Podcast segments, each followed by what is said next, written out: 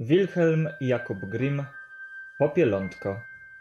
Ze zbioru Baśni dla dzieci i dla domu.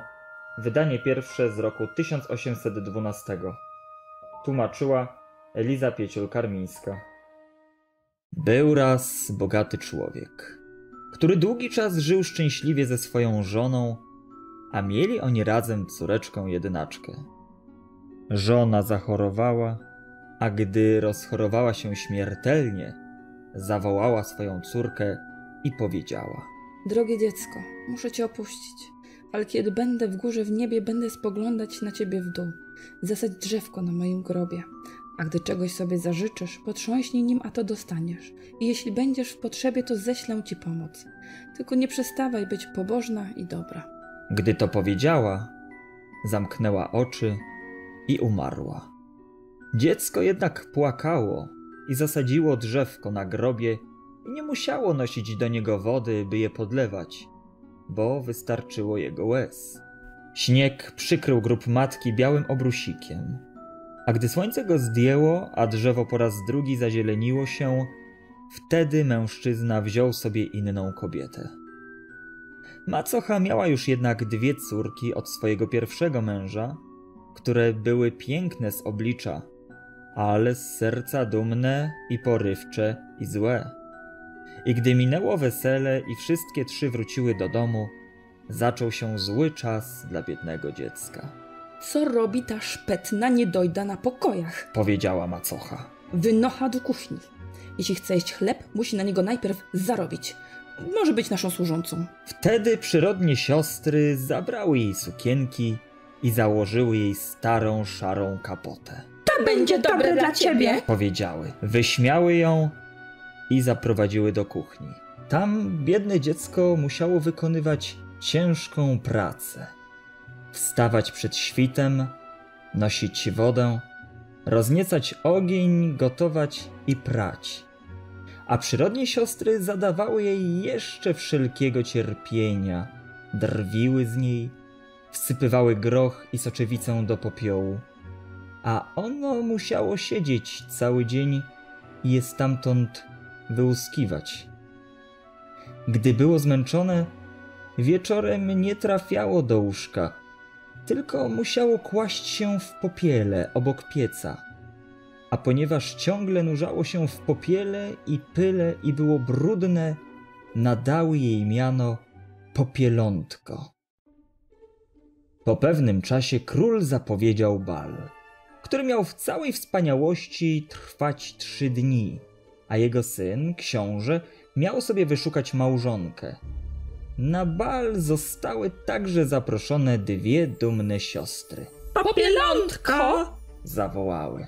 Chodź tutaj! Uczesz nam włosy, wyszczotkuj nam buty i mocno je zasznuruj. Idziemy na bal do księcia. Popielątko starało się ze wszystkich sił i wystroiło je, jak umiało. Ale one tylko je łajały, a gdy były już gotowe, pytały drwiąco. Popielątko, ty, też chciałobyś pójść z nami na bal? Ach, jakże mogłabym pójść? Nie mam żadnych sukien. Nie, Powiedziała najstarsza. to dopiero by było, gdybyś się tam pokazało. Musiałybyśmy się wstydzić, gdyby ludzie usłyszeli, że jesteś naszą siostrą. Twoje miejsce jest w kuchni. Tam masz miskę pełną soczewicy. Kiedy wrócimy, soczewica ma być wyłuskana, a uważaj, żeby nie było w niej żadnego złego ziarna, bo inaczej nie spodziewaj się niczego dobrego. Po tych słowach wyszły, a popielątko stało i patrzyło za nimi. A gdy już ich nie było widać, poszło smutne do kuchni i wysypało soczewicę na piec, a była to wielka, wielka sterta. Powiedziało i westchnęło przy tym. Będę ją musiała łuskać do północy i nie wolno mi będzie zmrużyć oczu, nawet jeśli będą mnie bolały. Gdyby to widziała moja matka. i uklękła przy piecu w popiele i chciała zacząć łuskać, gdy przez okno frunęły dwa białe gołębie i usiadły obok soczewicy na piecu. Kiwały główkami i mówiły.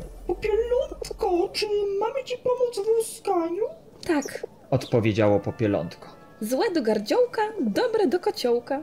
I zaczęły. Stuk, stuk, stuk. I zjadły złe ziarna, a dobre zostawiły.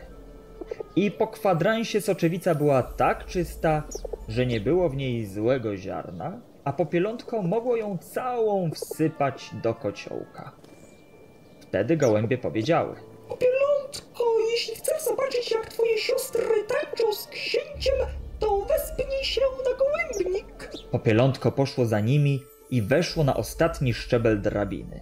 I stamtąd mogło zajrzeć do sali balowej i widziało swoje siostry tańczące z księciem i wszystko migotało i lśniło wieloma tysiącami świec przed jego oczami. A gdy się napatrzyło dosyta, znowu zeszło na dół i było mu ciężko na sercu, więc położyło się w popiele i zasnęło. Następnego ranka dwie siostry weszły do kuchni, a gdy zobaczyły, że popielątko wyłuskało soczewicę do czysta, były złe, bo miały ochotę ją złajać. A ponieważ nie mogły tego zrobić, zaczęły opowiadać o balu i mówiły. Popielątko, to dopiero była rozkosz. W tańcu prowadził nas książę, najpiękniejszy na świecie, a jedna z nas zostanie jego małżonką. Tak, Powiedziało popielątko. widziałam jak świece migocą. Musiało naprawdę być wspaniale. Ej, ale jak ci się to udało? Zapytała najstarsza. Stanęłam wysoko na gołębniku. Gdy tamta to usłyszała, poczuła zawiść i rozkazałaby natychmiast rozebrać gołębnik. Popielątko za to znowu musiało je czesać i stroić. A wtedy najmłodsza, która miała jeszcze trochę litości w sercu, powiedziała: Popielątko, gdy będzie ciemno, możesz tam podejść i z zewnątrz zajrzeć przez okno. Nie, Powiedziała najstarsza. To ją tylko zepsuje. Masz tutaj worek pełen groszku, popielątko. Wyłuskaj dobre od złych i bądź pilna, a jeśli nie będziesz ich miało rano wyłuskanych, to wysypię ci je do popiołu i będziesz musiała głodować, zanim ich wszystkich nie wyciągniesz. Popielątko usiadło zasmucone na piecu i wysypało groszek. Wtedy znowu do środka frunęły gołębie i odezwały się przyjaźnie.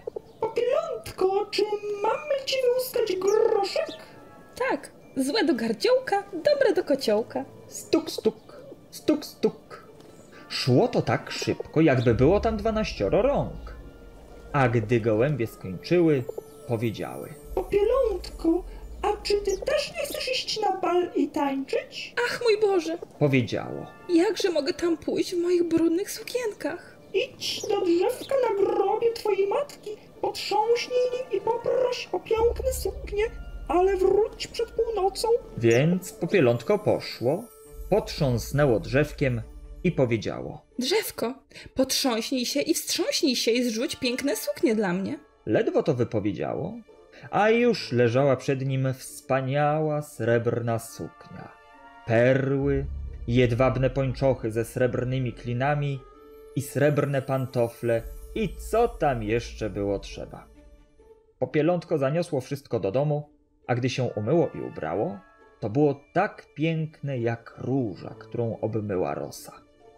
A gdy wyszło przed drzwi domu, to stała tam kareta z sześcioma karymi rumakami ozdobionymi piórami i zasłużącymi w błękicie i srebrze, którzy wprowadzili popielątko do środka i ruszyli galopem do zamku króla. Książę widział, jak kareta zatrzymuje się przed bramą i uznał, że przybyła jakaś obca księżniczka. Sam więc zszedł po schodach, pomógł popielątku wysiąść i zaprowadził je do sali. A gdy tam blask wielu tysięcy świec padł nań, to było ono tak piękne, że każdy się dziwił, a siostry też tam stały i złościły się, że ktoś jest piękniejszy od nich. Ale w ogóle nie pomyślały, że to mogło być popielątko, które leżało w domu w popiele. Za to książę tańczył z popielątkiem, któremu okazywano królewskie honory. Książę myślał sobie: Mam sobie wyszukać narzeczoną? Nie chcę innej jak tylko tę. Po tak długim czasie w popiele i smutku, popielątko zażywało teraz przepychu i radości. Ale gdy nastała północ, zanim wybiła dwunasta, wstało i skłoniło się, a chociaż książę prosił i prosił, to nie chciało dłużej zostać. Wtedy książę odprowadził je po schodach, a na dole stała kareta i czekała. I odjechało w takim przepychu, w jakim wcześniej przybyło.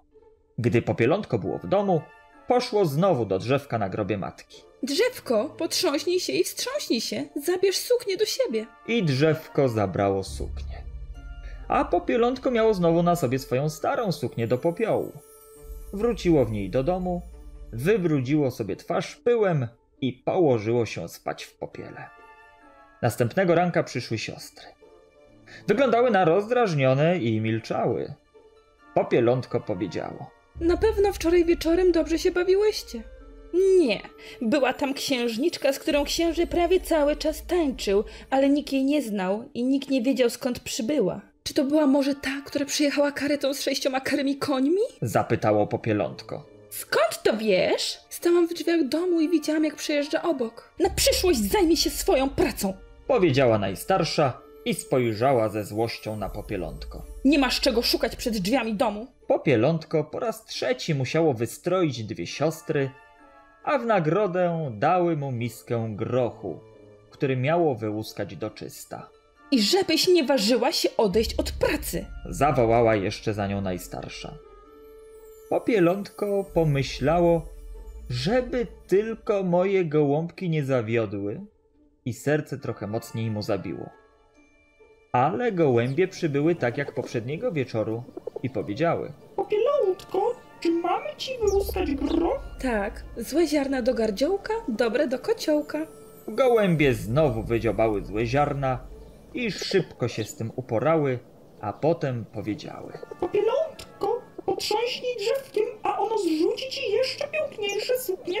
Idź na bal, ale strzeż się, żebyś wróciła przed północą. I popielątko poszło. Drzewko, potrząśnij się i wstrząśnij się, zrzuć piękne suknie dla mnie. I wtedy spadła suknia o wiele wspanialsza i okazalsza niż poprzednia.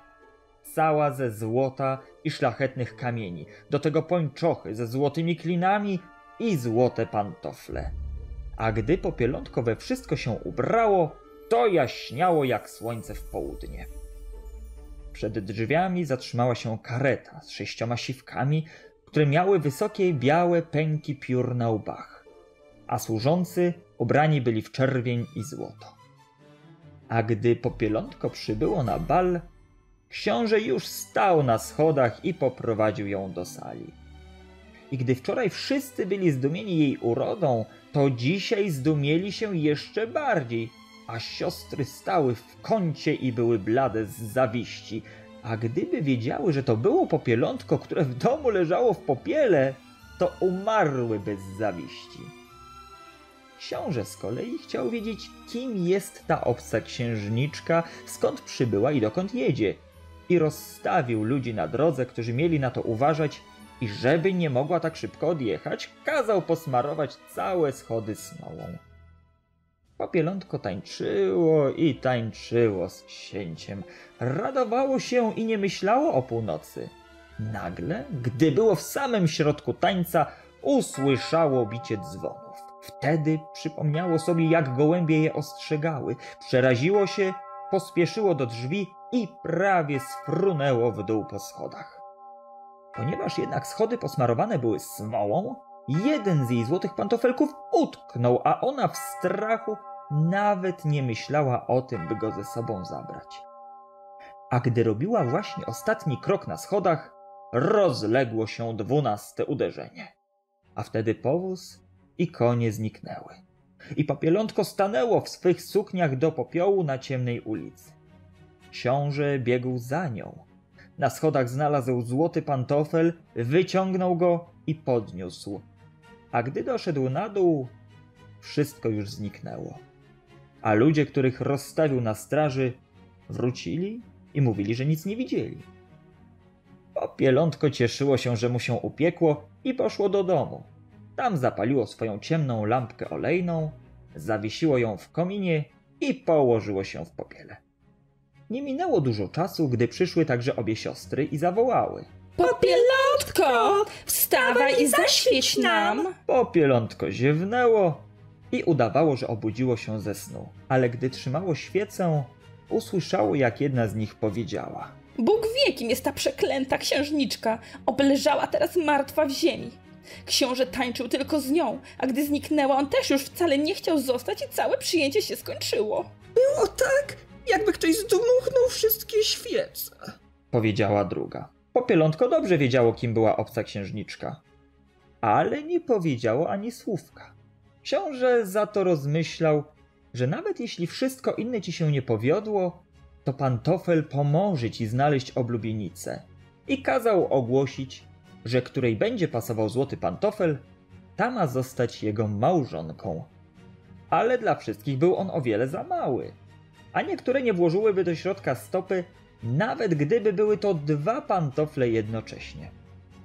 W końcu nadeszła kolej obydwu sióstr, aby uczyniły próbę, a one cieszyły się, bo miały małe, piękne stopy i wierzyły, że nam przecież musi się udać i że książę mógł od razu przyjść prosto do nas, Słuchajcie, powiedziała im pokryjomu matka. macie tutaj nóż, a jeśli pantofel będzie wam jeszcze za wąski, to odetnijcie sobie kawałek stopy.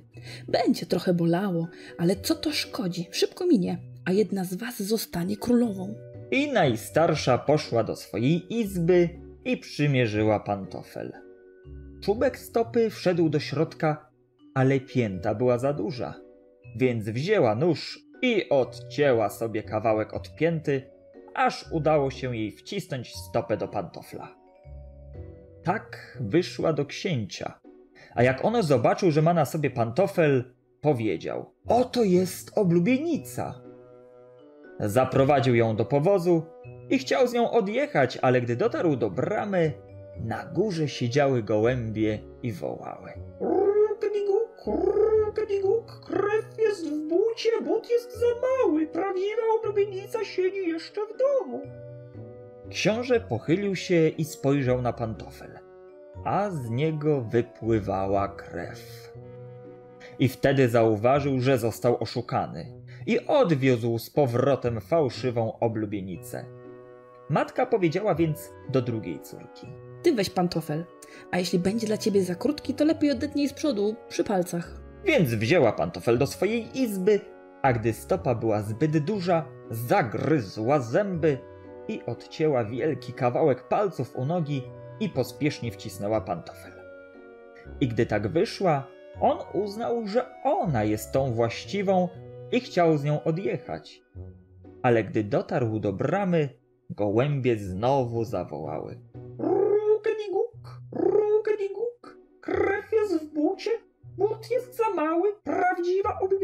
Siedzi jeszcze w domu. Książę spojrzał w dół, a białe pończochy oblubienicy były zafarbowane na czerwono, a krew wysoko już się po nich wspięła. Tak więc książę znowu odprowadził ją do matki i powiedział: To nie jest prawdziwa oblubienica, ale czy w domu nie ma jeszcze jednej córki? Nie, powiedziała matka. ale jest jeszcze tylko szpetne popielątko, które siedzi na dole w popiele. Pantofel nie będzie mu pasował. Nie chciała też po nie posłać, ale książę dobitnie tego zażądał. I zawołano popielątko. A gdy usłyszało, że w domu jest książę, szybko obmyło sobie twarz i dłonie do czysta. A gdy weszło do izby, pochyliło głowę, ale książę podał jej złoty pantofel i powiedział: Przymierz go, a jeśli będzie pasował, zostaniesz moją małżonką. I zrzuca ciężki but z lewej stopy, wsadza ją do złotego pantofla i tylko trochę nacisnęło i oto stanęło w nim. Jakby pantofel był odlany na jego rozmiar. A gdy się wyprostowało, książę zajrzał mu w twarz i wtedy rozpoznał piękną księżniczkę i zawołał. To jest prawdziwa oblubienica! Macocha i dwie dumne siostry przeraziły się i zbladły. Ale książę wyprowadził popielątko i podsadził je do karety, a gdy przejeżdżali przez bramę, wtedy gołąbki zawołały.